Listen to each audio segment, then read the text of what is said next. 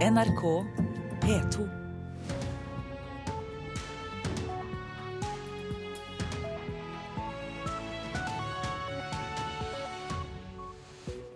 Velkommen til eh, Nyhetsmorgen tirsdag 27. januar. Vi har disse overskriftene nå 6.30. Opp mot 10 000 kroner i bot for å kjøre bil på deler av USAs østkyst i dag. Kraftig snøstorm rammer seks delstater. Sju år gammel gutt savnet i Molde. Det er fordeler med lange jobbvakter, hevder arbeidsministeren. Fagforbundets Linda Salomonsen mener han snakker usant. Det er veldig, veldig feilinformerende når han eh, tar i bruk bare halve sannheter, og det faktisk er en helt annen virkelighet enn det han beskriver. Tingretten behandler tvangsflyttingen av mulla Krekar i dag. Og under Nordlysfestivalen spiller profesjonelle sammen med unge utøvere. En av dem er Ingeborg Fredriksen. Det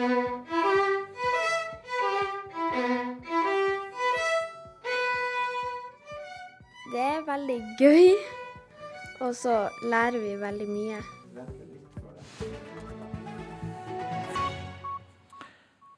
Her i studio i dag, Øystein Heggen. En kraftig snøstorm feier altså innover seks delstater i det nordøstlige USA. USA-korrespondent Gro Holm forteller mer om uværet, som tvinger folk til å holde seg innendørs og stanser det meste av bil- og kollektivtrafikken. Ja, Snøen laver ned langs hele østkysten. og det er, det er, forventet at det skal komme mellom 30 og 90 cm snø.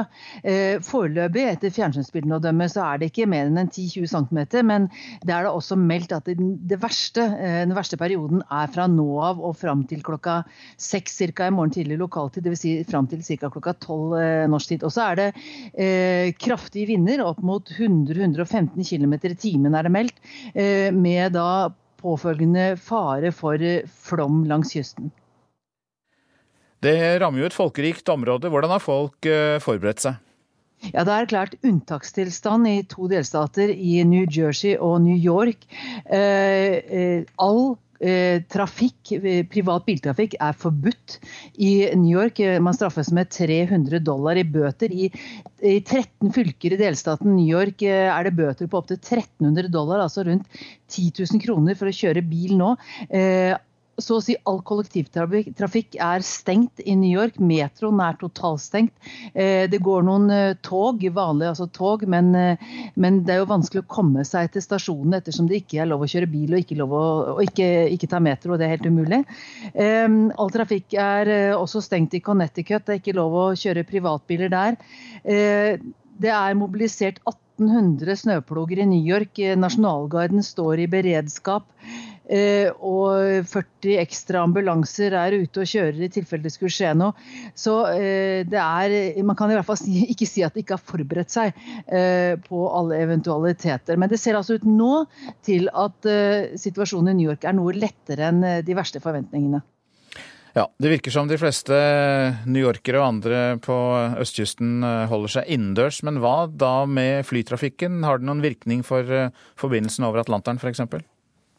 Ja, altså Flyplassen i Boston, Logan, er stengt fra nå og fram til onsdag kveld. og All internasjonal eh, trafikk til og fra Boston er dermed også eh, rammet. Eh, flyplassene i New York er delvis stengt. Det er i hvert fall rundt 6800-7000 kansellerte fly i landet som helhet til nå. Så det er klart at dette også rammer internasjonal lufttrafikk. og mange flyplasser har bare sendt ut varsel om at det er ikke nødvendig å komme. Det er nesten ikke folk på flyplassene. Det er, det er stort sett bare nødtrafikk langs østkysten nå. Politiet har fortsatt ingen spor etter den sju år gamle gutten som ble savnet i Molde i går. I natt gjorde norske redningshunder søk i Molde. Hva har dere nå som hunden kan lukte seg etter? Absolutt ingenting. Ingen gjenstander fra den savna gutten? Nei, vi har ikke det. Så det blir på en måte et overværsøk der vi eh, leter etter folk, og så får vi sortere ut av han eh, som gutten vi leter etter. Kurt Amundø fra Norske redningshunder har i natt bistått politiet i søket etter den savnede sjuåringen, som politiet mistenker har blitt kidnappet. Søket er nå todelt både lokalt og internasjonalt. De har bedt om bistand fra Kripos etter at fosterhjemsgutten forsvant fra en bowlinghall i Molde mandag ettermiddag. Politiet bekrefter overfor NRK at de ikke har fått kontakt med guttens far. Guttens mor blir nå tatt hånd om av helsepersonell og politi. Politiet sjekker også en tyskregistrert Audi. Bilen bråsnudde i Øksendalstunnelen mellom Molde og Sunndal kort tid etter at gutten forsvant fra bowlinghallen. Reportere Martin Holvik og Gunnar Sandvik. I Oslo tingrett starter om få timer rettsmøte om tvangsflytting av mulla Krekar. Oslo politidistrikt vedtok i forrige uke å sende Krekar til Hemne kommune i Sør-Trøndelag. Advokat Brynjar Meling, som forsvarer Krekar, vil ha vedtaket opphevet. Vi mener at eh, med støtte i utenlandsk rettspraksis og menneskerettighetspraksis at eh, dette er en frihetsberøvelse. Eh, at man ikke kan gjøre så inngrepende vedtak i en persons privatliv uten at det er som straff i forhold til en straffbar handling han har begått. Nå er mulla Krekar frifunnet for terror, han er ferdig sonet for trusler, og da skal han være en fri mann på lik linje med alle andre. Klokka ni i Oslo tingrett starter nok en runde i rettssagaen om mulla Krekar. Tirsdag i forrige uke vedtok Oslo politidistrikt å tvangsflytte Krekar til Jarlen asylmottak på Kyrksæterøra i Hemne kommune i Sør-Trøndelag. Krekar skulle ikke få bevege seg utenfor Hemne kommunes grenser, og han måtte melde seg for politiet tre ganger i uka. Jeg tror ikke han har noe mot verken trønder eller Sør-Trøndelag, men han ønsker å bestemme selv hvor han skal bo, og det er naturlig at han vil bo med sin familie her i Oslo. Vedtaket om tvangsflytting ble begrunnet med at Krekar utgjør en trussel mot grunnleggende nasjonale interesser. Meling på sin side mener politiets vedtak er beheftet med både faktafeil og saksbehandlingsfeil. Og skulle tingretten gi politiet medhold, vil Meling i så fall anke og be om at Krekar ikke flyttes før lagmannsretten har sagt sitt. Dette er helt ny, upløyd mark. Ehm, vi kjenner ikke til Eh, noe rettspraksis i Norge. Eh, og, og, og da er det uforholdsmessig å flytte han før eh, man har fått en endelig avklaring på det rettsspørsmålet. Reportere Halvard Norum og Olav Døvik. Argentinas president Cristina Fernandez de Kirchner vil oppløse etterretningstjenesten etter at en statsadvokat ble funnet død kort tid før han skulle legge fram oppsiktsvekkende anklager som også ville ha rammet presidenten. Alberto Nisman etterforsket i mange år hvordan mektige aktører i Argentina dekket over og forkludret etterforskningen av forgreininger til Iran etter et dødelig angrep mot Argentinas jødiske senter. Christina Fernandez de Kirchner var raskt ute og sa at Nishman hadde blitt drept og ikke hadde begått selvmord. Presidenten vil nå opprette en ny føderal etterretningstjeneste. Lederen av Norges største fagforbund ber arbeidsministeren slutte å snakke usant om forsøk med lange vakter på jobb. Men statsråden sier han slett ikke lyver, og regjeringen vil tillate lengre arbeidsdager. I debatten på NRK TV torsdag gjentok Robert Eriksson at et prosjekt i Fauske viser at ansatte vil ha lange vakter. Men det er ikke sant, sier Fagforbundets leder Mette Nord. Ja, jeg mener at han prøver å gi inntrykk av at uh, dette er ordninger som uh, de ansatte i stor grad vil, og at det er veldig, veldig feilinformerende når han Eh, tar i bruk bare halve sannheter, og det faktisk er eh, en helt annen virkelighet enn det han beskriver. Regjeringen har foreslått å åpne for mer midlertidighet, mer helgearbeid, mer overtid og lengre arbeidsdager, og de ulike sidene i debatten kappes om å komme med de beste eksemplene. I debatten på TV før helgen gjentok arbeidsminister Robert Eriksson at forsøksprosjektet med langvakter på 13 timer i pleie- og omsorgstjenesten i Fauske viste seg vellykket. For De har gjort en grundig undersøkelse på de 55 som forsøkte denne ordninga. 30 av dem fikk større stillinger. Sykefraværet gikk ned. Det var gjennomgående enhet blant de aller fleste om at dette var en god ordning. Ordninga lever videre i Fauske, har det fra rådmann eh, eh, her. og de de jobber fortsatt 13 timers vakter der i helgen. Sju personer i pleie- og omsorgstjenesten i Fauske jobber lange vakter, ifølge kommunen i dag. Av 339 ansatte. Men å jobbe lange vakter var aldri noe mål for kommunen. Den ville fjerne deltidsstillingene. Nei, jeg er ikke fornøyd med det han Eriksson sier. For at han forholder seg ikke til den hele sannheten. Sier hovedtillitsvalgt Linda Salomonsen i Fauske. Hun var kort med på videolink i TV-debatten sist uke. Jeg hadde ikke mulighet til å komme med noe motsvar heller, så jeg frem, ble jo fremstått som at jeg som eh, med løgn og fanteri, og det gjør jeg ikke. Statsråd Robert Eriksson fremholder at han ikke lyver. De store arbeidsorganisasjonene har uansett varslet generalstreik mot regjeringens endringsforslag om arbeidstider og midlertidige jobber på onsdag. Sa reporter Hedvig Bjørgum. Nå til eh, avisene. Åpner gigantmarked på 15 milliarder, er oppslaget i Dagens Næringsliv. Private aktører kan nå kjempe om renhold og drift av kantiner og eiendommer i offentlig sektor. Etter årsskiftet behøver ikke etater og helseforetak å betale moms på innkjøp av tjenester fra private. Jeg er ikke redd, sier Silje Lene Michaelsen. VG har besøkt den tidligere ebolasmittede legen i Sierra Leone, som fortsetter sitt arbeid mot virussykdommen i Afrika. Motivasjonen min er enda sterkere enn sist, sier hun. Testhysteriet gjør oss til regnemaskiner, sier fiolinisten Arve Tellefsen til Vårt Land. Han mener norske skoler forsømmer den klassiske musikkarven.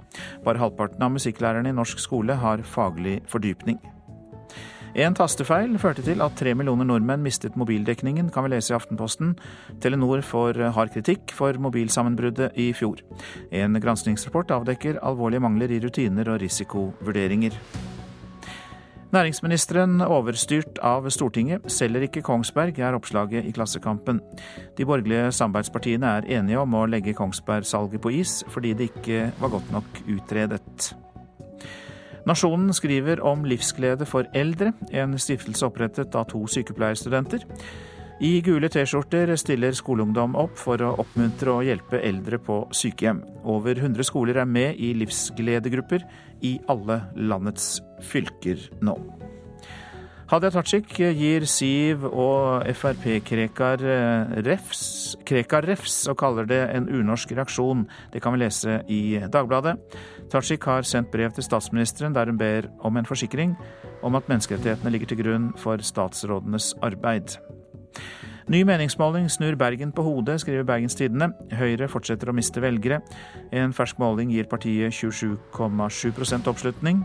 Arbeiderpartiet får 38,2% som er den beste noteringen siden kommunesammenslåingen i 1972. Varsel om permitteringer til alle ansatte ved Scandic hotell i Trondheim kan vi lese om i Adresseavisen.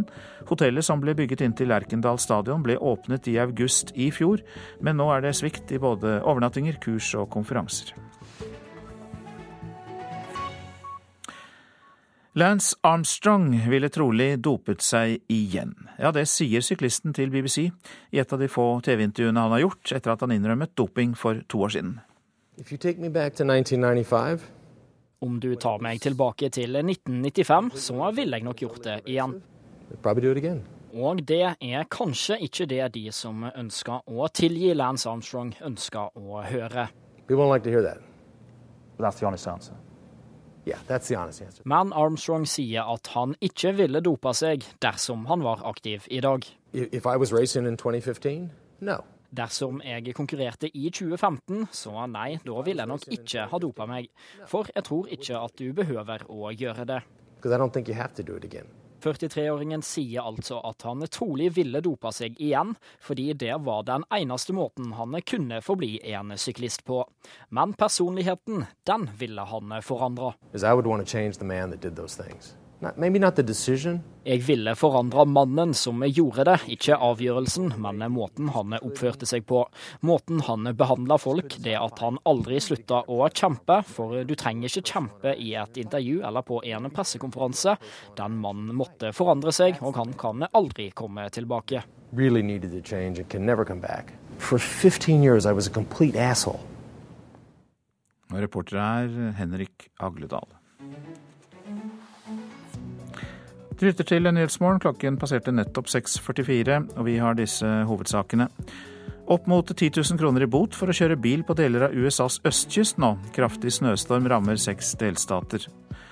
Politiet sjekker en tyskregistrert bil i forbindelse med at en sju år gammel gutt er savnet i Molde. Han forsvant fra en bowlinghall i byen i går. Og vi skal høre at vi dusjer oss syke.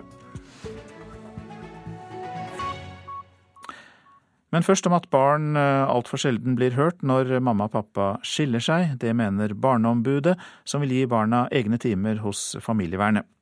I går fortalte NRK at stadig flere skilsmissebarn bor halvparten av tiden hos mor og halvparten hos far, og at det er en ordning som, mangler, som mange foreldre er fornøyde med. 17 år gamle Rebekka syns det kan være slitsomt. Det er jo en grunn til at så mange bruker det. Man vil jo gjerne være med begge foreldrene sine, men det kan jo bli veldig stressende og veldig slitsomt. I går hørte vi at stadig flere deler omsorgen for barna likt når de går fra hverandre. Barneombud Anne Lindboe mener det er for mye fokus på de voksnes behov og for lite på barna. Vi er altfor dårlige til å høre barna. Eh, derfor mener jeg at barn må få en egen time hos familievernet i forbindelse med samlivsbrudd. Og at man også må evaluere effekten en f.eks. 50-50-avtale har for barna. Sånn at de finner ut om hvordan dette funker for dem, og ikke bare for de voksne. Delt omsorg, som før var en ordning som ble valgt av en liten gruppe, er nå blitt vanlig. Vi trenger derfor mer oppdatert forskning på hvordan barn opplever dette, sier forsker Ragnhild Hege Kitterød ved Institutt for samfunnsforskning. Det finnes jo noen undersøkelser blant barn tidligere, men den gangen var det jo såpass sjelden med delt bosted at det var jo en veldig liten og spesiell gruppe. Så nå når dette gjelder så mange barn, eller så stor andel av barna, så ville det vært fint med mer kunnskap om hvordan de opplever det. Hun får følge av generalsekretær i organisasjonen Voksne for barn, Randi Talseth, som sier barn opplever delt omsorg veldig forskjellig. Det avhenger helt av situasjonen. Derfor så har jo Voksne for barn også vært negative at dette skal være en generell regel. Det må være noe som foreldre uh, jobber seg fram mot. At de uh, før skilsmissen har et godt samarbeid og klarer å bevare det etter skilsmissen nå. Og at de bor nærme, og at barnet ikke er altfor sårbart og kan fortsette å ha venner og være på samme skole osv. Så, videre. så det er en del forutsetninger som må være til stede. 17 år gamle Rebekka er glad foreldrene hennes hørte på henne, sånn at hun slipper å flytte hver uke. Når jeg sa at jeg vil heller bo to uker hos hver, så var jo det heller ikke noe problem. Så jeg blir jo hørt på den måten. Reporter her, Tom Ingebrigtsen. Olaf eh, Thommessen slutter som generalsekretær i Plan Norge. Det bekrefter styreleder i organisasjonen Jan Erik Korsjøen. Ifølge Korsjøen har Thommessen sagt opp med umiddelbar virkning pga. uenighet om veien framover. Plan Norge driver med bistandsarbeid rettet mot barn. Hvor ofte pleier du å dusje? Vel, mye tyder på at mange av oss dusjer mer enn hva godt er. Og det begynte vår reporter å tenke på en dag han sto i dusjen. Det kjennes unektelig godt å hoppe i dusjen, skru opp det varme vannet og gjerne skumme seg inn med masse av såpe. Men mens jeg sto der, kom jeg til å tenke på hvor ofte er det egentlig smart å dusje? Og hvor ofte dusjer folk flest, egentlig? Eh, jeg dusjer hver dag. Hver dag? Ja. Kan det bli mer enn én en gang om dagen også, eller? Eh, ja, hvis jeg har gym for eksempel, eller har trent, så dusjer jeg ofte to ganger om dagen. Jeg pratet med ungdom ved Tangen videregående skole i Kristiansand om dette. Hver dag. Blir man skitten etter én dag? Hvis man trener hver dag, holdt jeg på å si, så må vi jo dusje etterpå. Hvor mye såpe går det med per dusj, da? En fjerdedels flaske, kanskje. Det er såpass mye? Ja, viktig å bruke litt mye såpe. Hvor ofte dusjer dere? Hver dag eller hver andre dag. Hvor mye såpe bruker dere, da? Noen tonn. Masse nå. Tror du det er bra for, for huden og håret? Nei, det tror jeg ikke. Ja, det høres veldig kjent ut, og jeg kan jo ta utgangspunkt i min egen sønn. Han må dusje hver morgen for å klare å komme opp til frokosten. Han har gym to-tre ganger i uka, da dusjer han. Og han dusjer stort sett etter alle treninger og alle kamper. Det betyr at det kan bli både to og tre dusjinger per dag på de verste dagene. Det sier hudlege Frode Kristiansen ved Havblikk spesialistsenter i Arendal. Han har sett flere eksempler på at folk har dusjet seg syke. Ja, det vil jeg faktisk si. Noen er så aktive med å dusje at de blir mer og mer eksemprega. Og da kan det jo i verste fall bli så invalidiserende at de eh, blir funksjonshemma, både når det gjelder sosialt og i arbeidslivet. Og jeg har dessverre noen som da har endt opp med uføretrygd fordi at de har fått et invalidiserende eksem. Vi har i grunnen ganske mye. Da har vi liksom kremdusjer, og så er det eh, med skrubb. Så er det litt her og her. Og litt forskjellig der oppe. Karoline Karlsen viser fram hyllemeter på hyllemeter med både såpe og sjampo hos parfymeriet Kix i Arendal. Og jeg må spørre, er det bra for huden, alt dette du selger? Eh, selvfølgelig. Altså, du har jo eh, f.eks. som en melk. Den gir jo mye fuktighet til huden, men man må jo passe på å ikke tørke ut huden også, og bruke det for mye. Ja, for selv du som selger det, innrømmer at det kan tørke ut huden? Eh, jeg innrømmer at vannet, når du dusjer Hvis du dusjer for mye, så tørker jo det ut huden uansett. Men ikke såpa? Såpe skal jo heller ikke gjøre det, men dusjer du med såpe hver gang, om du dusjer tre ganger daglig, selvfølgelig, det vil jo skje noe med huden. Derfor bruker du en bodylotion etterpå. Og nettopp en bodylotion, eller en god fuktighetskrem, er nettopp det hudlege Frode Christiansen anbefaler dersom man dusjer litt for mye. Men så er spørsmålet til slutt hvor mye skal vi egentlig dusje, da? De av oss som ikke har denne her tørre huden som ofte blir veldig tørr vinterstid, vi kan være litt liberale med dusjinga. Og, og, spesielt hvis vi er litt forsiktige med såpe, så tenker jeg at en gang om dagen en kort og ikke for varm dusj kan være greit. Men for de pasienter som etter hvert ser at de har fått et eksemproblem, så sier jeg ofte gjør sånn som vi gjorde alle sammen på 60- og på 70-tallet. Da var det fillevask som gjaldt. Ja ja, jeg får kanskje avslutte dusjen mens leken ennå er god. Ok, får vi huske på det, da. Kort og kaldt uten for mye såpe. Reportasjen var laget av Yngve Stiansen. Framveksten av eh, strømmetjenester som tilbyr piratkopiert materiale, bekymrer norske rettighetshavere. Også strømmegiganten Netflix har pekt ut eh, slike strømmetjenester som eh, en av sine største konkurrenter. Og en av disse konkurrentene er tjenesten Postcorn Time. Og så trykker Watch Now, og så streamer den. Akkurat som den gjør fra Netflix. Filmentusiast Simon Strømse er inne på strømmetjenesten Popcorn Time. Her er et stort utvalg av piratkopierte filmer gratis tilgjengelig for nettbrukere. Strømse, som har utvikla en app for lovlig strømming, kan godt forstå at dette har blitt et eh, populært tilbud. Problemet er at veldig mye av film, de filmene du kan se på Popcorn Time f.eks., de er ikke tilgjengelig på Netflix. De er ikke tilgjengelig på Getboxen din. De er ikke tilgjengelig på noen av de tjenestene som finnes der ute i dag. Nettpirater har vært et stort problem for filmbransjen i mange år, men da betalingstjenester som Netflix ble en suksess, trodde mange problemet var løst. Da Netflix presenterte kvartalsrapporten sin i forrige uke, var det nettopp Popcorn Time og andre lignende tjenester de mente truga virksomheten deres mest. Også norske rettighetshavere er uroa, sier Willy Johansen i Rettighetsalliansen. Veldig bekymret eh, i og med at det dukker opp flere og flere sider. Og vi ser det er veldig vanskelig å få stoppet eh, mange av disse sidene. Jeg sjekka Kon-Tiki. Den lå ikke der, så det eh, gjorde meg jo eh, litt mer avslappa. Kon-Tiki-produsent Åge Aaberge er letta over at han ikke finner egne filmer på Popcorn Time, men også han synes slike tjenester er problematiske. Nei, Problemet er jo at uh, hvis ikke noen vil betale for de produktene som vi lager, så mister vi vårt eksistensgrunnlag. Og det er jo ganske alvorlig, selvfølgelig. Kulturdepartementet skriver i en e-post at strømming av piratkopierte filmer ikke er brudd på opphavsretten. Rettighetsalliansen vil derfor endre reglene. Jeg tror vi trenger en liten endring av lovverket for å få stoppet disse ulovlige tjenestene. Det som er spesielt her, det er jo at eh, de fleste ISB-er sier jo at de er helt fullt klar over at uh, disse sidene er ulovlige men at de eh, ikke kan sperre eller blokkere disse sidene før de har en rettslig beslutning. Men filmentusiast Simon Stromsø mener løsninga ligger hos bransjen sjøl. Idet en film blir tilgjengelig på DVD i USA, så er den tilgjengelig over hele verden via Popcorn Time. Det, der er det et marked. Det er derfor folk bruker Popcorn Time. Hvis bransjen selv fyller det markedet, og så fort den gjør det, så kommer eh, tjenester som Popcorn Time mest sannsynligvis til å dø ut. Og Vi legger til at det ikke har lyktes NRK å få en kommentar fra Popcorn Time. Eh, reportere her var Espen Alnes og Åsta Hoem Hagen.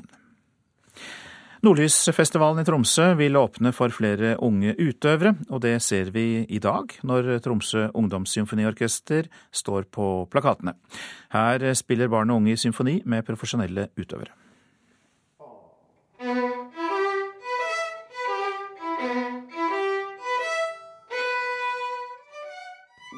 Veldig gøy, og så lærer vi veldig mye.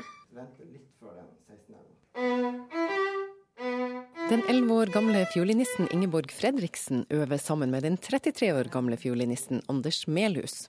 Han er ansatt i Nordnorsk Symfoniorkester. Hun er en av 40 unge mellom 10 og 18 år som er med i Tromsø Ungdomssymfoniorkester.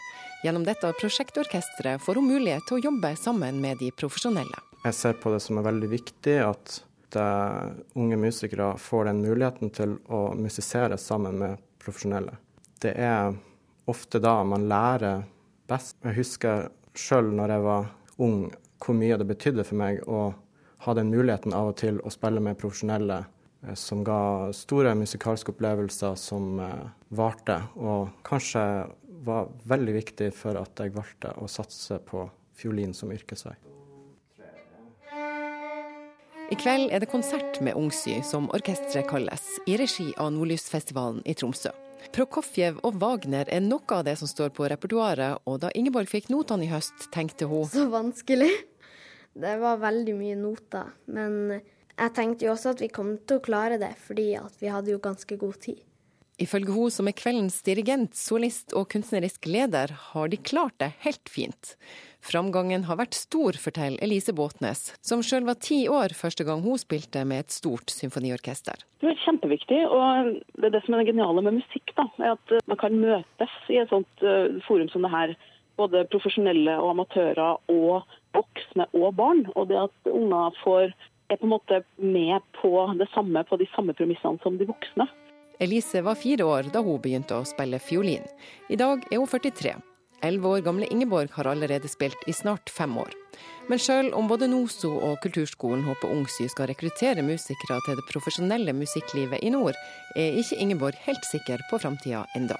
Hvis jeg ikke blir musiker, så kommer jeg alltid til å spille fiolin på fritida. Nå gjenstår bare litt mer øving. Og når alle aldre i Ungsy er klar, skal det høres ut omtrent som det her.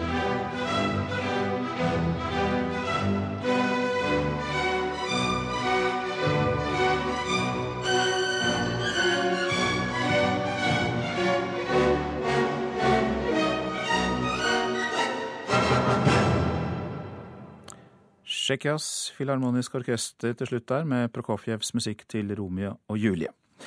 Reporter i Tromsø, Hege Irén Hansen. Værvarselet nå fram til midnatt. Fjellet i Sør-Norge. Sørvestlig liten kuling, enkelte snøbyger. Vesentlig vestlige områder. Østlandet og Telemark. I kveld til dels liten kuling på kysten, men pent vær blir det i dag. Lokal tåke kan også forekomme. I ettermiddag skyr det til. Agder i kveld sørvestlig liten kuling.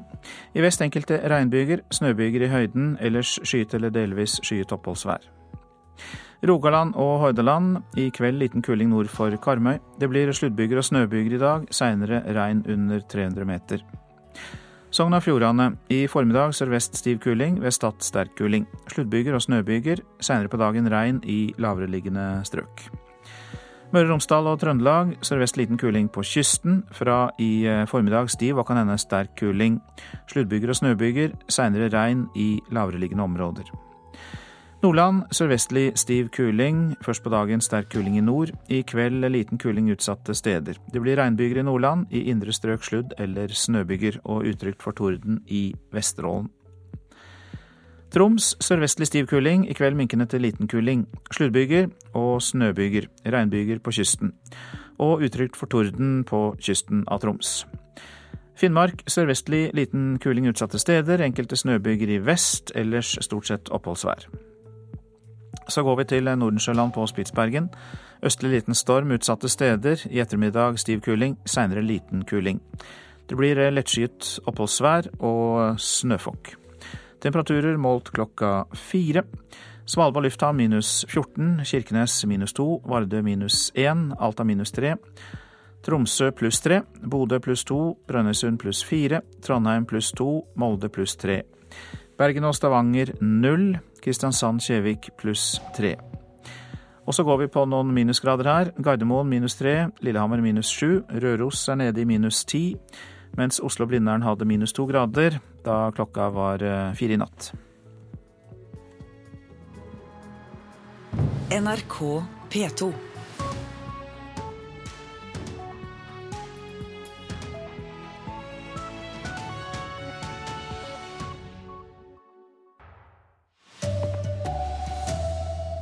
Mange betaler av egen lomme for å unngå et halvt års venting på kreftundersøking. Og politiet har fremdeles ingen spor etter sjuåringen som forsvant i Molde i går. Her er NRK Dagsnytt klokka sju. Stadig flere av oss betaler undersøkelser for tarmkreft med egne penger. På hvert tredje sykehus her i landet tar det et halvt år eller mer å komme til for å få en slik undersøking. Medisinprofessor og rådgiver i Kreftregisteret Geir Hoff forstår at folk synes det er for lenge. Det syns jeg grenser litt inn på psykisk terror, i hvert fall overfor en del pasienter som er engstelige. Personer med tydelige symptomer på tarmkreft kommer først i den offentlige helsekøa. Men symptomene er vanskelig å oppdage, sier Hoff. Det er en del da som har stått på venteliste fordi at det ikke har vært oppfattet som så alarmerende som det kanskje burde ha vært. Og så viste det seg at, at her har det da vært tarmkreft hele tiden, og så er det gått månedsvis. Og øh, det betyr noe med hensyn til forløpet. Og hvert år blir det påvist over 2000 nye tilfeller av tjukktarmkreft her i landet, viser tall fra Kreftregisteret. Det blir straks mer om dette i Nyhetsmorgen på P2. Reporter Marit Gjelland.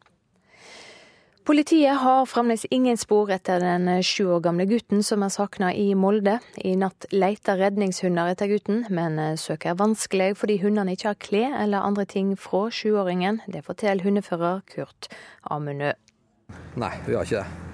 Så det blir på en måte et overværsøk der vi leter etter folk, og så får vi sortere ut da han som gutten vi leter etter. Kurt Amundø fra Norske redningshunder har i natt bistått politiet i søket etter den savnede sjuåringen, som politiet mistenker har blitt kidnappet.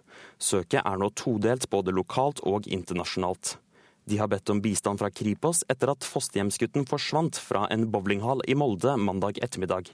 Politiet bekrefter overfor NRK at de ikke har fått kontakt med guttens far. Guttens mor blir nå tatt hånd om av helsepersonell og politi. Politiet sjekker også en tyskregistrert Audi. Bilen bråsnudde i Øksendalstunnelen mellom Molde og Sunndal kort tid etter at gutten forsvant fra bowlinghallen. Presidenten i Argentina vil legge ned etterretningstjenester i landet.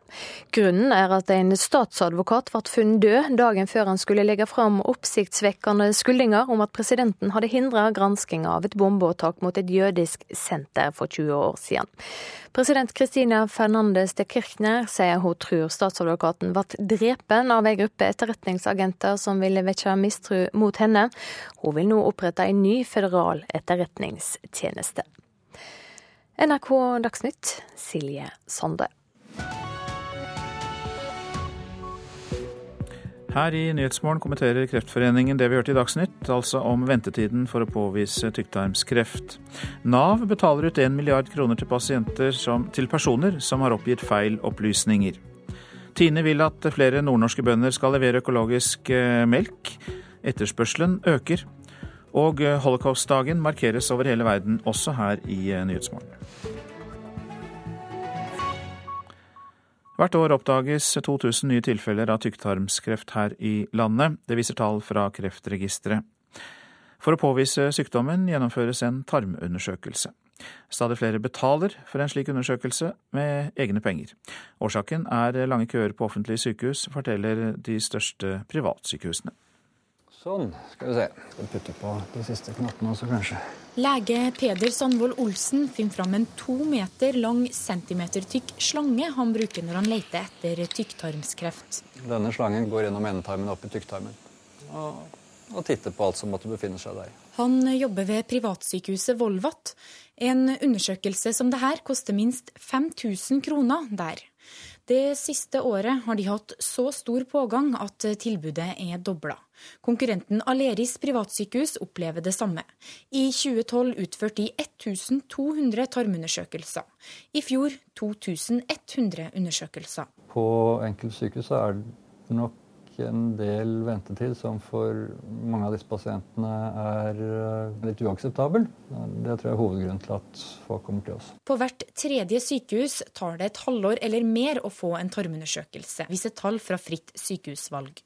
Både i Akershus og Østfold må pasienter vente ett år. Det syns jeg grenser litt inn på psykisk terror, i hvert fall overfor en del pasienter som er engstelige. Sier medisinprofessor og rådgiver i Kreftregisteret Geir Hoff. Personer med tydelige symptomer på tarmkreft kommer først i den offentlige helsekøa. Men symptomene er vanskelig å oppdage, sier Hoff. Hvis legen virkelig ser alle, alle røde lamper lyse, og får det fram i henvisningsskrivet, da er det klart at da, da blir man jo prioritert. Problemet med tarmkreft er at eh, symptomene er så uspesifikke. De kan eh, ofte ligne veldig på helt banale tilstander som hemoroider, altså blod i avføringen, eller endrede avføringsvaner. Så det, eh, det, er, det, er, det, er, veldig uspesifikt. Og eh, som sagt, når man først har blitt så engstelig at man da kontakter legen, ønsker å få en undersøkelse, får en henvisning, så skal man få gjort den undersøkelsen i løpet av rimelig tid. Tykktarmskreft har blitt en av de vanligste kreftformene her i landet. Den sprer seg sakte, og i dag overlever over halvparten av de som rammes. Dette er her de henger. Henger rent og pent. Det tar en halvtime å undersøke tarmen. Hvis Olsen finner kreft, henviser han pasienten tilbake til det offentlige for videre behandling. Jeg tror nok at de fleste offentlige sykehus har ganske gode rutiner for å ta inn de det haster mest med. Det er klart, her, En og annen gang så, så ryker det. Og, så vi har sikkert fått noen av, av dem som kommer med en kreftfull tid, som det offentlige ikke har snappet opp. Har det vært tilfeller at eh, det har gått for lang tid? Det er det. Og da får man noen ubehagelige overraskelser. altså. At det er en del da som har stått på venteliste fordi at det ikke har vært oppfattet som så alarmerende som det kanskje burde ha vært. Og så viste det seg at, eh, at her har det da vært tarmkreft hele tiden, og eh, så er det gått uh, månedsvis. Og øh, det betyr noe med hensyn til forløpet. Kan det skje igjen? Det kan skje igjen. Professor i medisin og rådgiver i Kreftregisteret Geir Hoff, reporter Marit Gjelland. Kirsten Haugland, god morgen. God morgen. Du er assisterende generalsekretær i Kreftforeningen. og Hva er din reaksjon på at det er lange ventelister ved flere sykehus? Ja, Det er totalt uakseptabelt at vi skal ha så lange ventetider. Og dessverre gjelder det for mange. Lang ventetid er en uholdbar situasjon for den det gjelder, og i tillegg så kan det gi dårligere resultat for behandlingen. Derfor så er vi glad for i Kreftforeningen at det nå innføres disse pakkeforløpene. Og en av hovedmålene til de pakkeforløpene er nettopp å få redusert ventetiden. Pasienten skal nå få en detaljert oversikt over når skal utredningen starte, når skal behandlingen starte, sånn at de får gjennom disse pakkeforløpene en slags bruksanvisning. Vi er jo også kjent med, som vi hører, at det fins flaskehalser rundt forbi. og Pakkeforløpene kan også bidra til å tydeliggjøre hvor flaskehalsene er størst. Sånn at vi håper jo at det også kan bidra til at vi får gjort noe med også å løse opp de flaskehalsene som vi her hørte om i forhold til kolonskopi f.eks. Disse pakkeforløpene da, som gir, skal gi eh, behandling innenfor gitte tidsfrister. Eh, hvordan vil eh, en pasient oppleve å komme inn i det systemet, som du altså syns er positivt? Ja, vi syns det er positivt. Vår kreftlinje får også mange henvendelser knyttet til dette med ventetider. Og det vi også er glad for, det er at i tillegg til å etablere disse pakkeforløpene, som gir sykehusene klare frister å forholde seg til, så jobbes det mye med å gi god informasjon til pasienten.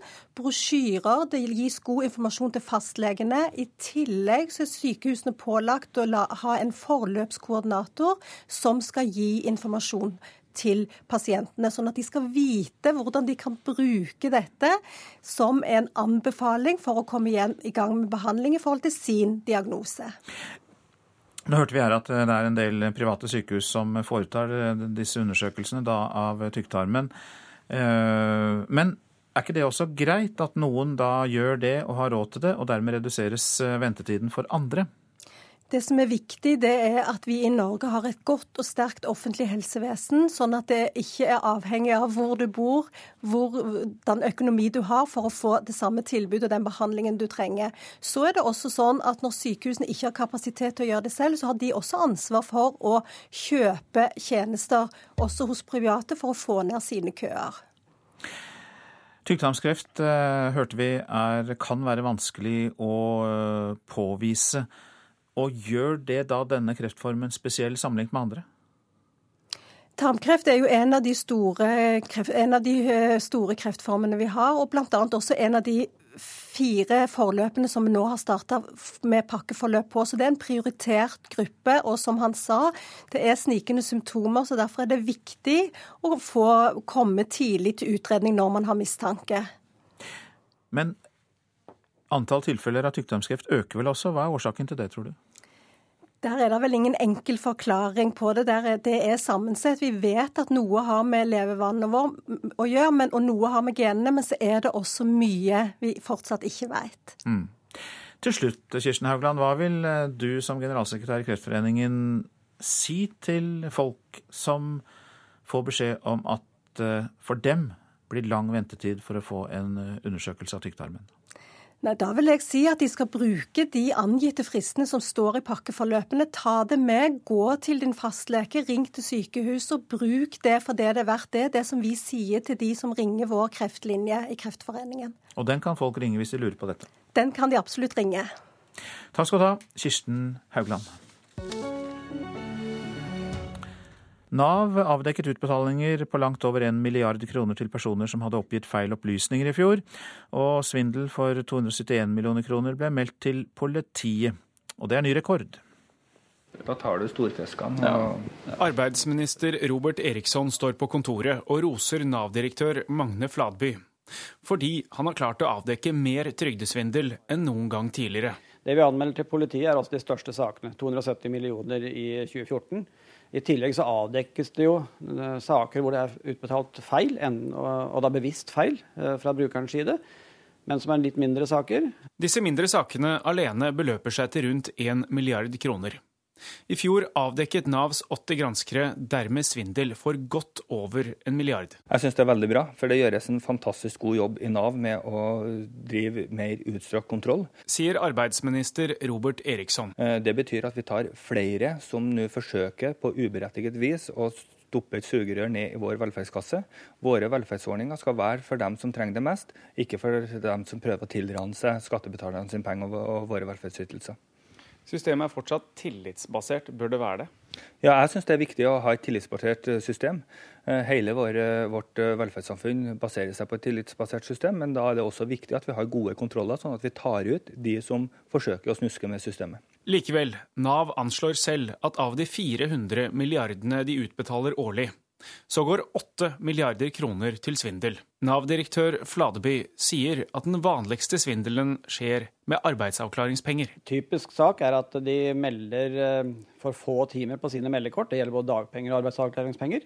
De skriver altså færre timer hver 14. dag til oss enn det de faktisk arbeider. Når vi sjekker med arbeidsgiveren, så finner vi at disse arbeider veldig mye mer enn det de oppgir til oss. Men det blir ikke like lett nå? Eh, det er brukeren selv som oppgir disse timeantallene til oss og så sjekker vi med arbeidsgiver. Fra og med i år så vil jo arbeidsgiverne melde inn eh, månedlig til skatteetaten. og Da får vi ferskere opplysninger og muligheten til å kontrollere enda bedre. Reporter her, det var Trond Lydersen. Klokka har nettopp passert 7.13. Dette er hovedsaker i Nyhetsmorgen. Pasienter risikerer å vente opptil et halvt år for undersøkelser som kan påvise tykktarmskreft. Vi hørte nettopp fra Kreftforeningen at pasienter som blir utsatt for dette, bør klage og presse på for å få raskere behandling. Opp mot 10 000 kroner i bot for å kjøre bil på deler av USAs østkyst nå. Kraftig snøstorm rammer seks delstater. Og vi har hørt at Nav betalte ut 1 milliard kroner til personer som hadde oppgitt feil opplysninger i fjor. Noen av dem ble politianmeldt. USAs president Barack Obama avsluttet eh, nå i morgentimene sitt besøk til India. Et besøk som har blåst liv i indisk-amerikansk atomkraftsamarbeid. Og eh, det ble første gang en amerikansk president deltok i feiringen av Indias republikkdag. Og for øvrig, hva var det viktigste som kom ut av besøket, Asia-korrespondent Peter Svaar?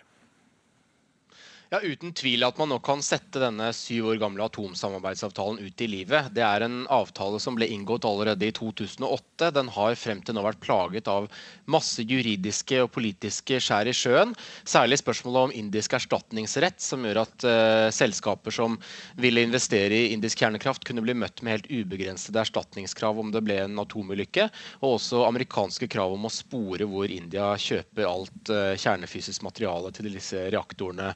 Uh, og Det er noe India ikke har villet gå med på, men det har man nå klart å, å glatte over eller komme til enighet Eh, om. Og Det betyr at selskaper som eh, General Electric nå kan begynne å planlegge bygging av et titalls atomreaktorer i India. Det betyr mange mange milliarder dollar i investeringer, og vil således få ganske stor betydning i et India som har stort behov for renere alternativer enn eh, kullkraft.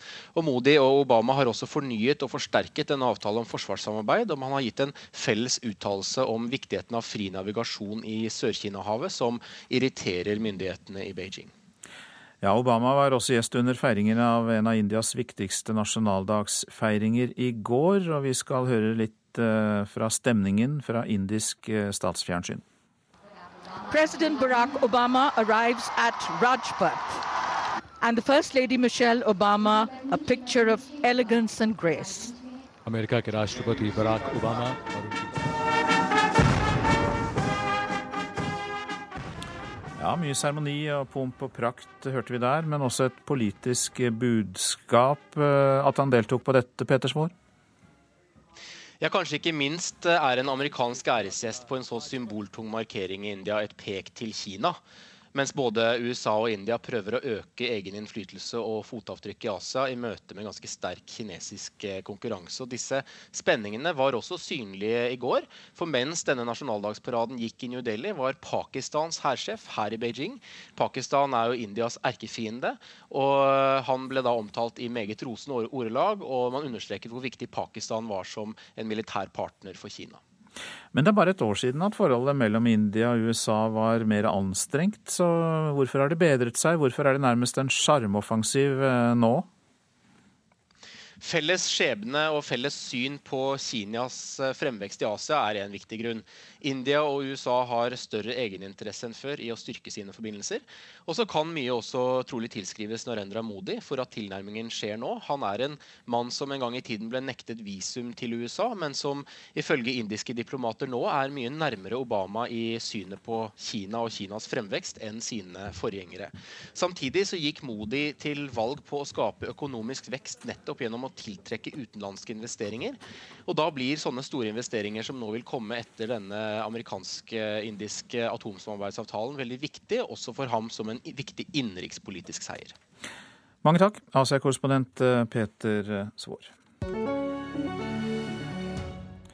I dag er det 70 år siden sovjetiske soldater rykket inn i nazistenes konsentrasjonsleir Auschwitz-Birkenau i Polen og befridde de gjenlevende fangene. Det antas at over seks millioner jøder ble drept av nazistene før under annen verdenskrig. Svært mange av dem ble holdt fanget i konsentrasjonsleire og drept der. Og den internasjonale holocaustdagen markeres over hele verden i dag. Påtroppende Berlin-korrespondent Guri Nordstrøm, du er i Polen og skal følge markeringen i Auschwitz. Hva skjer eh, der i dag?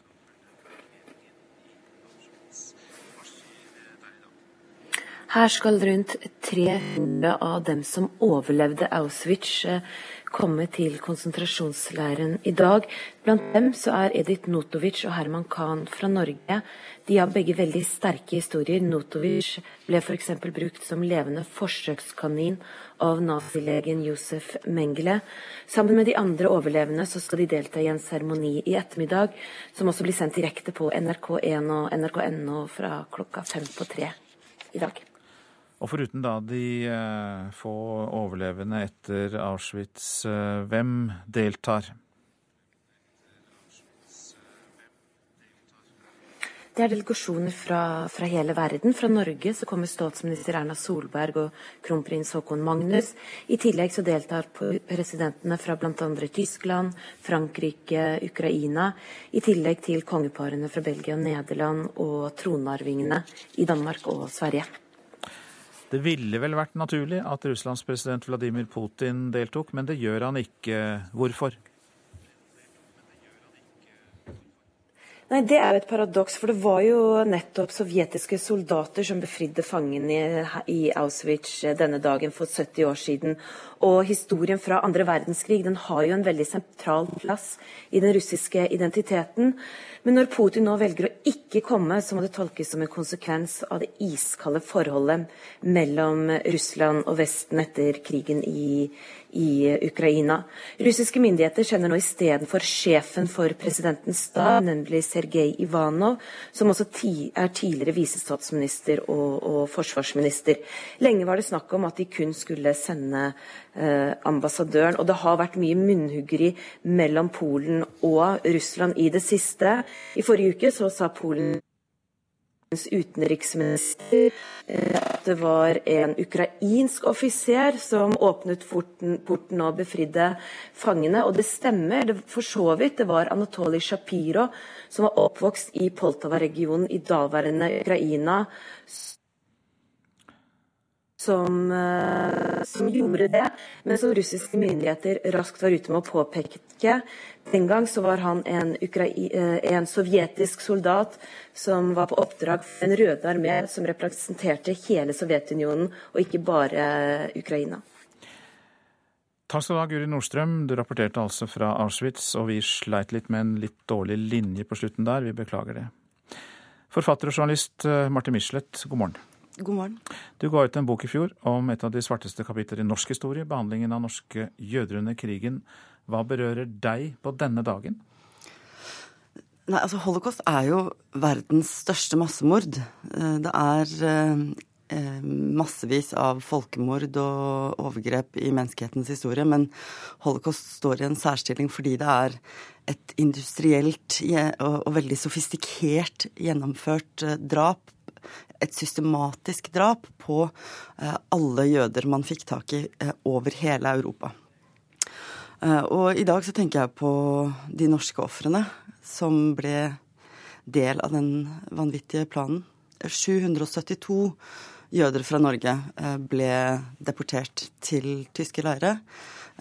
Nesten alle kom til Auschwitz. Og nesten ingen kom hjem derfra.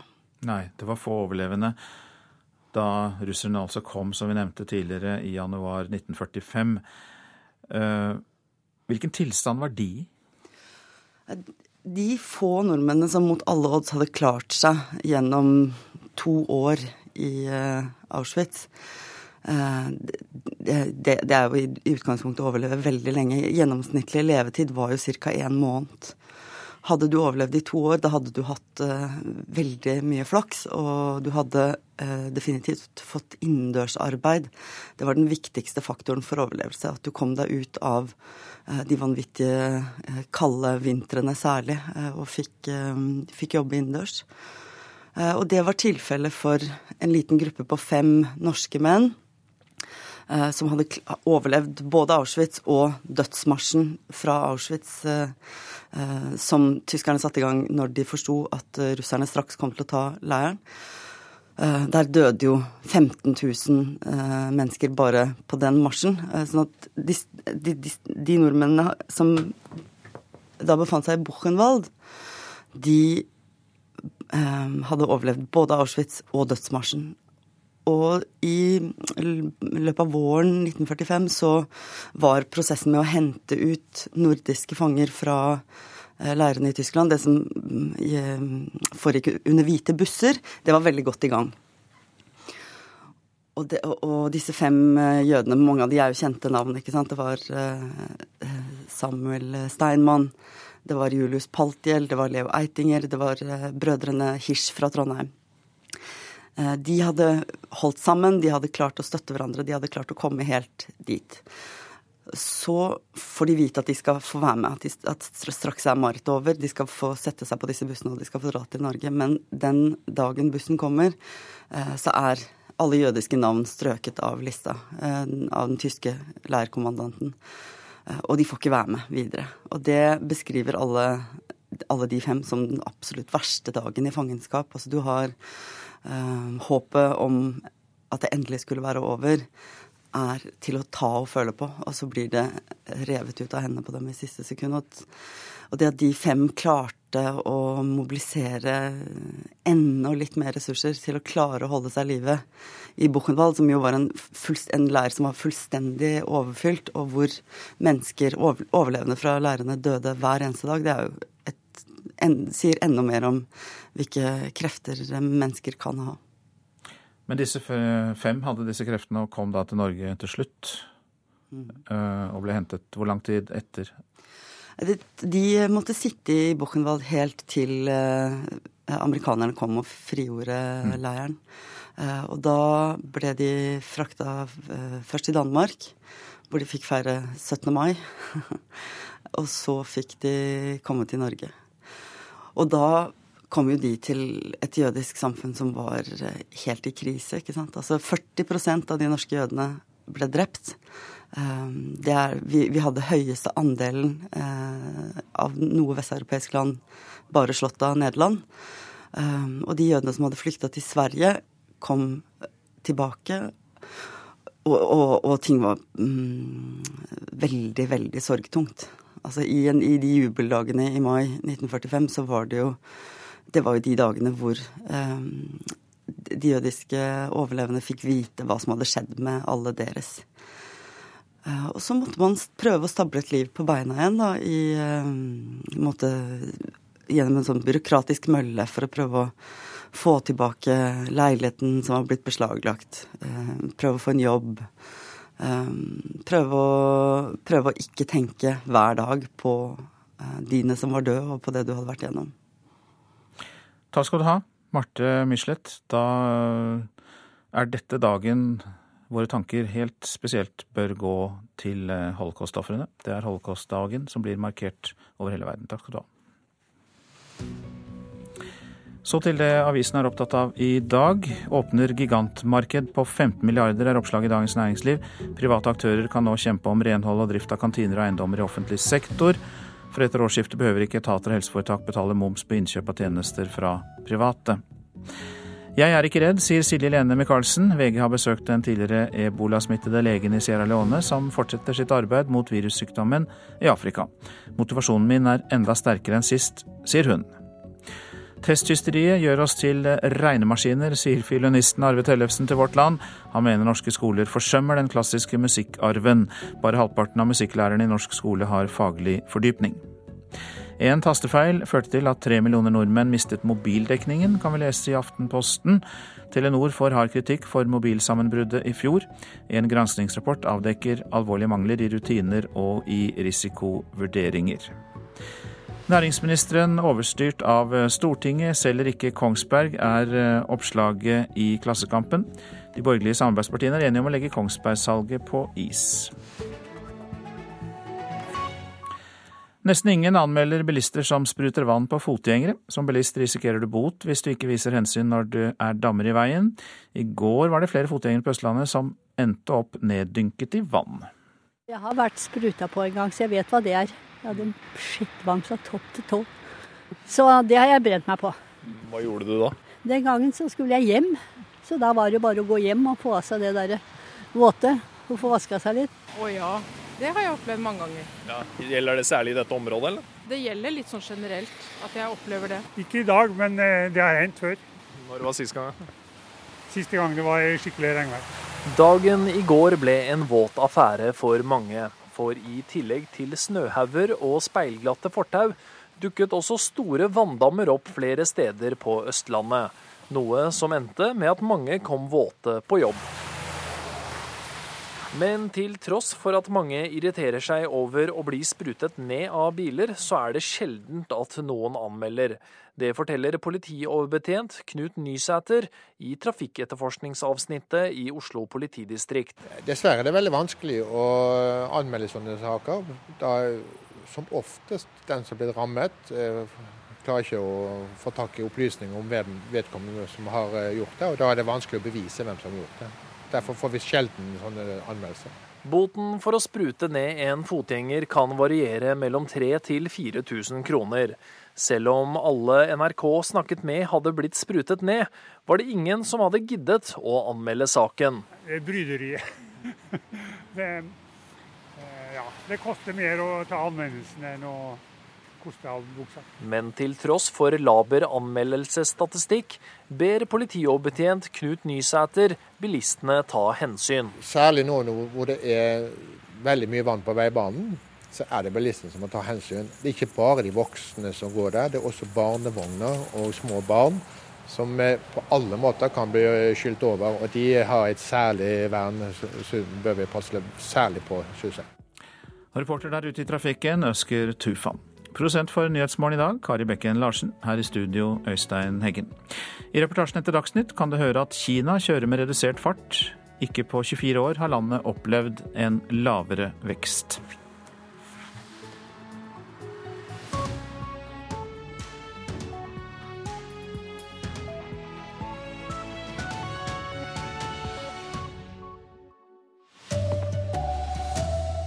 Mange betaler av egen lomme for å slippe å vente et halvt år på kreftundersøking. Sjuåringen som er savna i Molde er etterlyst internasjonalt. Og Nav avslørte trygdesvindel for over 1 milliard kroner i fjor. God morgen, her er NRK Dagsnytt klokka 7.30. Hvert år blir det påvist over 2000 nye tilfeller av tjukktarmkreft her i landet. Det viser tall fra Kreftregisteret.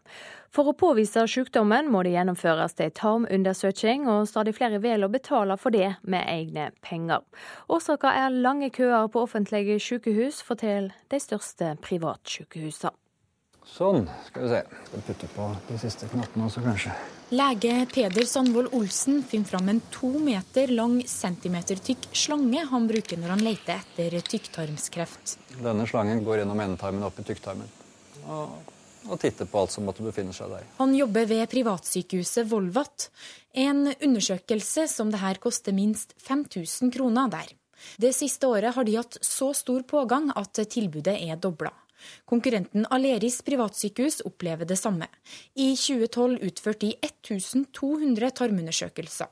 I fjor 2100 undersøkelser. På enkelte sykehus er det nok en del ventetid som for mange av disse pasientene er eh, litt uakseptabel. Det tror jeg er hovedgrunnen til at folk kommer til oss. På hvert tredje sykehus tar det et halvår eller mer å få en tarmundersøkelse. Det syns jeg grenser litt inn på psykisk terror, i hvert fall overfor en del pasienter som er engstelige sier medisinprofessor og rådgiver i Kreftregisteret Geir Hoff. Personer med tydelige symptomer på tarmkreft kommer først i den offentlige helsekøa. Men symptomene er vanskelig å oppdage, sier Hoff. Det er en del da som har stått på venteliste fordi at det ikke har vært oppfattet som så alarmerende som det kanskje burde ha vært. Og så viste det seg at, at her har det da vært tarmkreft hele tiden, og så er det gått uh, månedsvis. Og det betyr noe med hensyn til forløpet. Kan det skje igjen?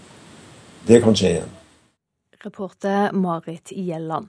Og ei så lang ventetid er for dårlig, det sier assisterende generalsekretær i Kreftforeninga, Kirsten Haugland. Det er totalt uakseptabelt at vi skal ha så lange ventetider, og dessverre gjelder det for mange. Lang ventetid er en uholdbar situasjon for den det gjelder, og i tillegg så kan det gi dårligere resultat for behandlingen. Derfor så er vi glad for i Kreftforeningen at det nå innføres disse pakkeforløpene. Og en av hovedmålene til de pakkeforløpene er nettopp å få redusert ventetiden.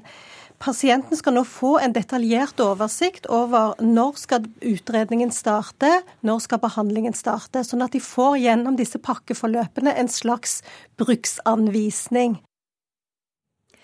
Rettsmøtet om tvangsflytting av mulla Krekar starter i Oslo tingrett om halvannen time. Oslo politidistrikt vedtok forrige uke å sende Krekar til Hemne kommune i Sør-Trøndelag. Advokat Brynjar Meling, som forsvarer Krekar, vil forsøke å få vedtaket oppheva. Vi mener at uh, dette er en frihetsberøvelse. Uh, at man ikke kan uh, gjøre så inngrepende vedtak i en persons privatliv uten at det er som eh, straff i forhold til en straffbar handling han har begått. Nå er mulla Krekar frifunnet for terror, han er ferdig sonet for trusler, og da skal han være en fri mann på lik linje med alle andre. Tirsdag i forrige uke vedtok Oslo politidistrikt å tvangsflytte mulla Krekar til Kyrksæterøra i Hemne kommune i Sør-Trøndelag av hensyn til nasjonal sikkerhet. Krekars advokat Brynjar Meling mener politiets vedtak er beheftet med både faktafeil og saksbehandlingsfeil. Og skulle tingretten gi politiet medhold, vil Meling i så fall anke og be om at Krekar ikke flyttes før lagmannsretten har sagt sitt. Dette er helt ny, upløyd mark. Ehm, vi kjenner ikke til eh, noe rettspraksis i Norge, eh, og, og, og da er det uforholdsmessig å flytte han før eh, man har fått en endelig avklaring på det rettsspørsmålet. Reportere Halvard Norum og Olav Døvik. Sjuåringen som ble meldt savna i Molde i går ettermiddag, er ennå ikke funnet. Politiet mistenker at gutten ble bortført. De har nå bedt om hjelp fra Kripos, og gutten er også etterlyst internasjonalt. Reporter Anne Mari Flatseth, du er ved politihuset i Kristiansund. Hvordan arbeider politiet med dette nå? Akkurat nå så samles etterforskningsledelsen for å skaffe seg oversikt over det som har skjedd i løpet av natta. Den, eh, det er sagt at de skal snakke med oss når klokka blir åtte. Um, gutten forsvant i 16-tida fra bowlingen i Molde, der han var sammen med barnevernet og en nær slektning. Og Det har vært leita siden da med store styrker i Molde. 150 mennesker har vært med i leitinga. Og så har han også etterlyst internasjonalt. Hvorfor det? Slik jeg skjønner, så er gutten fra Litauen og eh, bor i fosterhjem i Møre og Romsdal. Eh, han var da sammen med barnevernet og en slektning da han forsvant i går ettermiddag. Eh, og jeg skjønner at mora blir tatt hånd om nå av helsepersonell, mens politiet ennå ikke har fått kontakt med faren. Takk skal du ha for at du var med, Anne Mari Flatseth. Utenriks nå på østkysten av USA har styresmaktene stengt skoler, veier og kollektivtransport fordi det er varsla en svært kraftig snøstorm. Undergrunnsbanen i New York er for første gang stengt pga. snø, og flere steder er det forbudt å kjøre privatbil. Boston er trolig et av områdene som blir verst råka de neste timene, med rekordmye snø og vind opp i orkanstyrke. I Argentina legger president Cristina Fernandez de Kirchner ned etterretningstjenester i landet. Det skjer etter drapet på statsadvokat Alberto Nisman, en mann med mange fiender. Kvelden den 18. januar bæres en båre med kroppen til Alberto Nisman ut av en leilighet i Buenos Aires' mer fornemme bydeler. Leiligheten hadde vært låst fra innsiden, og det ble funnet en pistol i nærheten av den døde Nisman. Men president Cristina Fernandez var tidlig ute med å si at hennes motstander ikke hadde begått selvmord, og i går kunngjorde hun at hun vil oppløse Argentinas etterretningstjeneste.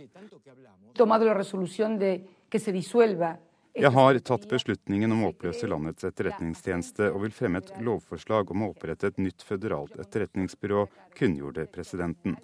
Alberto Nisman hadde på vegne av påtalemakten i flere år etterforsket et bombeangrep mot Argentinas jødiske senter i 1994, hvor 85 mennesker ble drept. Kun timer etter at han ble funnet død, skulle Alberto Nisman vitne mot flere i Argentinas aller øverste elite. Nisman anklaget flere myndighetspersoner, inkludert president Fernandes, for å ha dekket over at bombeangrepet hadde forgreninger til Iran. Tildekningen skulle være del av en politisk hestehandel hvor Argentina skulle få kjøpe olje til redusert pris. Ja, det sa utenriksmedarbeider Philip Lote.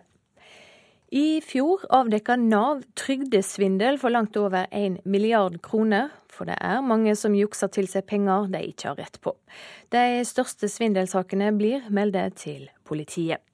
Da tar du storfiskene. Ja. Arbeidsminister Robert Eriksson står på kontoret og roser Nav-direktør Magne Fladby. Fordi han har klart å avdekke mer trygdesvindel enn noen gang tidligere. Det vi anmelder til politiet, er altså de største sakene. 270 millioner i 2014. I tillegg så avdekkes det jo eh, saker hvor det er utbetalt feil, og da bevisst feil eh, fra brukerens side men som er litt mindre saker. Disse mindre sakene alene beløper seg til rundt 1 milliard kroner. I fjor avdekket Navs åtte granskere dermed svindel for godt over en milliard. Jeg syns det er veldig bra, for det gjøres en fantastisk god jobb i Nav med å drive mer utstrakt kontroll. Sier arbeidsminister Robert Eriksson. Eh, det betyr at vi tar flere som nå forsøker på uberettiget vis å stoppe et sugerør ned i vår velferdskasse. Likevel, Nav anslår selv at av de 400 milliardene de utbetaler årlig, så går 8 milliarder kroner til svindel. Nav-direktør Fladeby sier at den vanligste svindelen skjer med arbeidsavklaringspenger. Typisk sak er at de melder eh, for få timer på sine meldekort. Det gjelder både dagpenger og arbeidsavklaringspenger. De skriver altså færre timer hver 14. dag til oss enn det de faktisk arbeider. Når vi sjekker med arbeidsgiveren, så finner vi at disse arbeider veldig mye mer enn det de oppgir til oss. Men det blir ikke like lett nå. Fra og med i år så vil jo arbeidsgiverne melde inn eh, månedlig til skatteetaten. og Da får vi ferskere opplysninger og muligheten til å kontrollere enda bedre. reporter Trond Lydersen. Kring 5000 mennesker pendler med fly mellom hjem og jobb i Norge hver dag. Olje- og gassnæringa står for mesteparten av veksten, skriver Aftenposten. Ifølge en rapport fra Avinor har tallet på pendlerreiser med fly stiget med nesten 160% på ti år. Ansvarlig for sendinga Jan Erik Bjørnskaug. teknisk ansvarlig Hanne Lunås, i studio Silje Sande.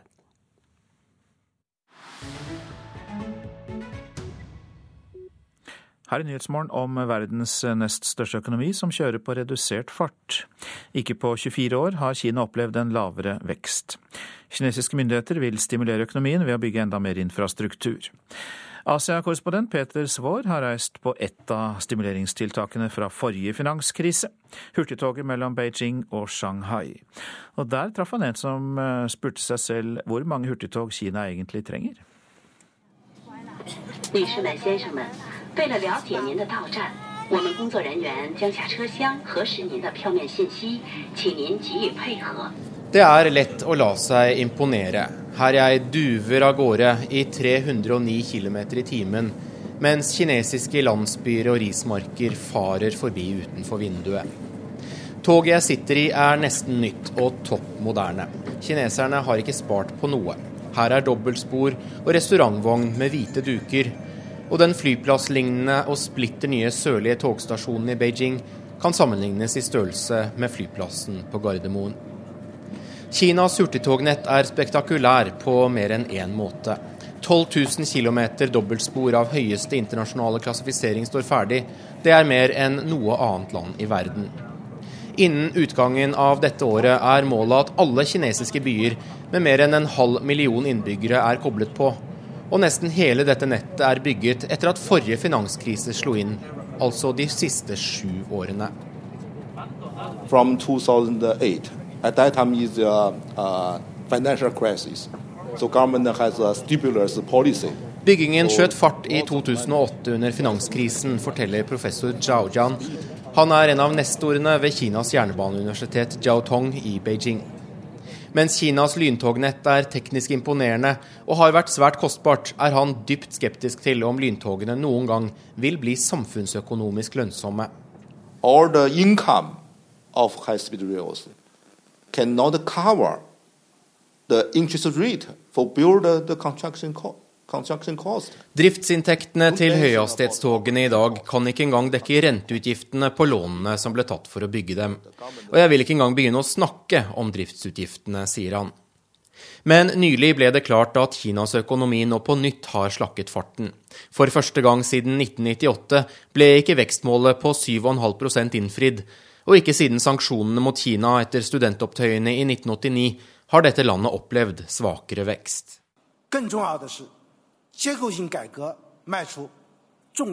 Vi har gjort fremskritt når det gjelder strukturreformene, men selvsagt vil Kinas økonomi fortsatt oppleve sterkt nedadgående press gjennom hele 2015, kunne statsminister Li Keqiang fortelle i Davos for noen dager siden. Og svaret er i stor grad nye infrastrukturprosjekter. Beijing skal få enda en ny flyplass, og en ny hurtigtoglinje mellom Beijing og Moskva til 1800 milliarder kroner ble godkjent denne uken. Men professor Zhaojian mener Kinas hurtigtognett allerede har en enorm overkapasitet på enkelte strekninger. Jeg skal gi deg et eksempel. Fra Qian til Guangzhou har togsporene kapasitet på 160 togsett om dagen. Men det er bare passasjerer nok til at vi nå kjører 30 togsett om dagen der. Om du bygger et hotell med 160 etasjer og bare bruker 30 av dem, Tror du hotellet noen gang vil bli lønnsomt, spør han retorisk. Men en behagelig måte å reise på, det er det. Og fem timer og 22 minutter senere er jeg fremme i Shanghai. Langs en togstrekning som er blant de få professor Zhaojian tror kan lønne seg på sikt. In China, I think uh, maybe in the future, the high-speed rail between Beijing and Shanghai can make a break even. But in other places, No. Dette er hovedsaker i Nyhetsmorgen. Mange betaler egen lomme for å slippe å vente et halvt år på kreftundersøkelse av tykktarmen. Totalt uakseptabelt, sier Kreftforeningen. Sjuåringen som er savnet i Molde, er etterlyst internasjonalt. Nav avslørte trygdesvindel for over en milliard kroner i fjor. På østkysten av USA har myndighetene stengt skoler, veier og kollektivtransport pga. svært kraftig snøstorm. I flere byer er det innført høye bøter for å kjøre privatbil. Nå til Politisk kvarter. Der er programleder Håvard Grønli.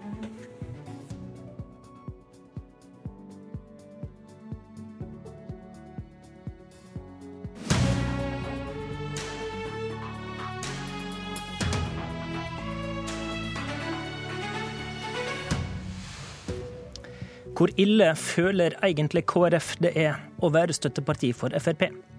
Og er det kjensle eller kunnskap som styrer debatten om salg av norske statlige selskap? I det tåkete grenselandet mellom fakta og føleri, der har du Politisk kvarter i dag. Vi eh, starter med kjenslelivet til KrF. God morgen, eh, nestleder Dagrun Eriksen. God morgen. I går eh, skrev eh, Aftenposten om hvor misfornøyde KrFs fylkesledere er med Frp-samarbeidet, og særlig med justisministerens håndtering av asylbarnsaka. Hvordan vil du skildre denne frustrasjonen i ditt eget parti?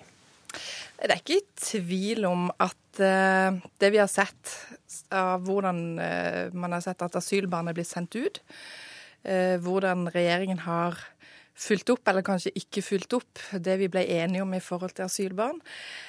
Eh, at det har skapt en stor frustrasjon. Eh, vi har valgt å være et konstruktivt opposisjonsparti, men når våre fylkesledere går så tydelig ut som det de gjorde nå, eh, så er det et ganske sterkt signal både til oss i ledelsen, men det er også et sterkt signal til regjeringspartiene våre på at det er en høy frustrasjon. Ikke først og fremst på samarbeid og samarbeidsavtale og alt det, men i forhold til alle de barna som er blitt sendt ut. Asylbarn som det ble skapt et håp hos, som tenkte at de skulle få en ny gjennomgang, som skulle bli sett på situasjonen på nytt. Og så opplever man eh, tvert om, og man kanskje kjenner seg litt lurt. Nå skal jo kontrollkomiteen gå gjennom og høre og finne ut av hva er det som egentlig har skjedd, men, men eh, KrF er blitt lurt? Ja, det er i hvert fall eh, det er noe som ikke stemmer når man ser at så mange asylbarn er sendt ut. Det har vært de letteste familiene å sende ut. Og man har sett at man ikke har gjort like mye f.eks. For, for å få ut kriminelle, som var noe som var en del av avtalen vi skulle få på plass. Mener du regjeringa har brutt samarbeidsavtalen, som eh, enkelte på grasrota er inne på? Nei, det syns jeg er altfor tidlig å si. Vi må avdekke og, og, finne ut hva som har skjedd i denne saken. Men det som vi registrerer, er jo at dette er jo en avtale på asyl som inneholder en del innstramminger, og så er det en avtale som inneholder en del eh, liberalisering spesielt for barn.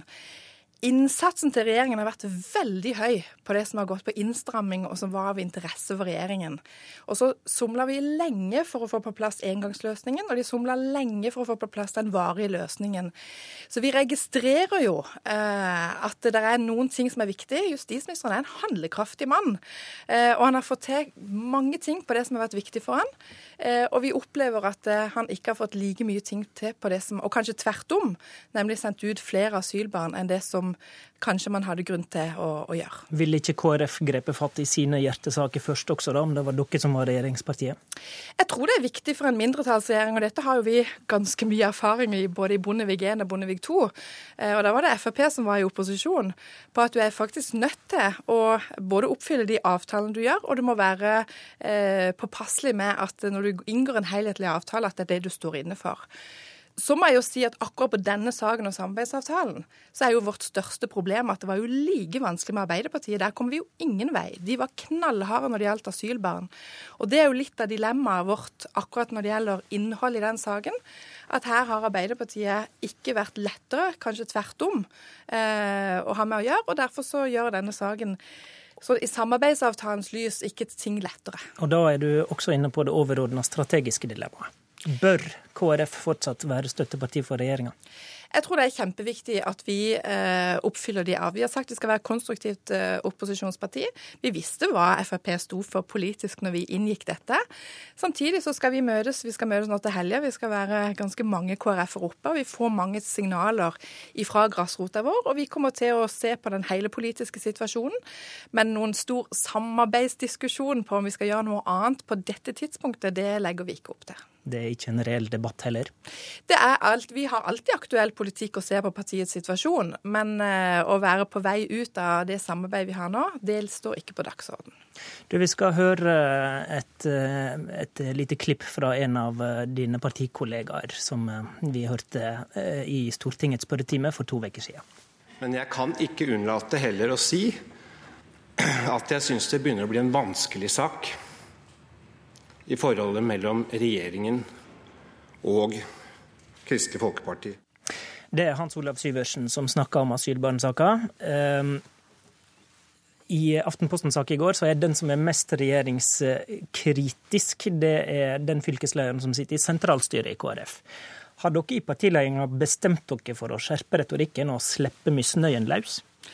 Nei. Eh, jeg vet at den morgenen eh, før denne spørretimen og før Syversen var ute, så ble det avdekka ting i Bergens Tidende som gjorde, eh, på vegne av asylbarna, en ja, Det skapte et stort engasjement og et følelsesutbrudd eh, fra Syversen som var ektefølt. Dette var ikke noe del av noen strategi. Eh, men det er en, en ekte respons eh, på en fortvilelse når vi ser hvordan mange asylbarn er blitt sendt ut. Eh, og vi får veldig mange henvendelser fra organisasjonen fra folk som er like fortvilt som både ledelsen og Syversen var eh, i spørretimen den dagen. Men hvis det egentlig ikke er noe alternativ for dere å, å bryte samarbeidet, så kan jo all denne vesle støyen tolkes som et eh, slags spill for å øke KrFs innflytelse? Da? Nei, vi har sagt at vi skal være et konstruktivt opposisjonsparti. Og et konstruktivt opposisjonsparti de sier fra når ting eh, de er enige, og går med på det. Men det handler også om eh, å si fra når det er ting som går utenfor det som vi mener vi kan akseptere. Vi forstår at når vi er i et sånn samarbeid som vi er i nå, så må vi tåle både eh, lederlag, og vi må tåle at vi får seire. Men eh, på ting som vi har avtale på, og det opplever vi her på asyl. Så, når man opplever at det blir trenert først, og så opplever man at det kanskje er blitt ikke gitt de beskjedene videre til politiet som skulle hatt, og så opplever vi at man i tillegg har pusha på for å få sendt ut flere, og det er de feil familiene som er sendt ut, så var begeret nådd for KrF, og da kommer vi til å si fra. Det kommer vi til å gjøre i fremtida eh, på de ekte politiske sakene. Og det er det vi kommer til å svare på, og det er det det handler om når vi er et konstruktivt opposisjonsparti. Fins det alternativ for KrF til eh, dagens samarbeidsavtale? Det er klart det finnes alternativ, eh, men det er også viktig for KrF, og vi har sittet åtte år med en flertallsregjering og gått i ørkenen uten å få noe gjennomslag gjennomslag, så er det også viktig for oss å få gjennomslag for politikk. Og det er det som vil være med å avgjøre vår konstruktivitet framover. Takk til deg, Dagrun Eriksen. For ordens skyld skal vi bare nevne at vi hadde invitert eh, flere i Frp til å møte deg i debatt, men de hadde ikke høve.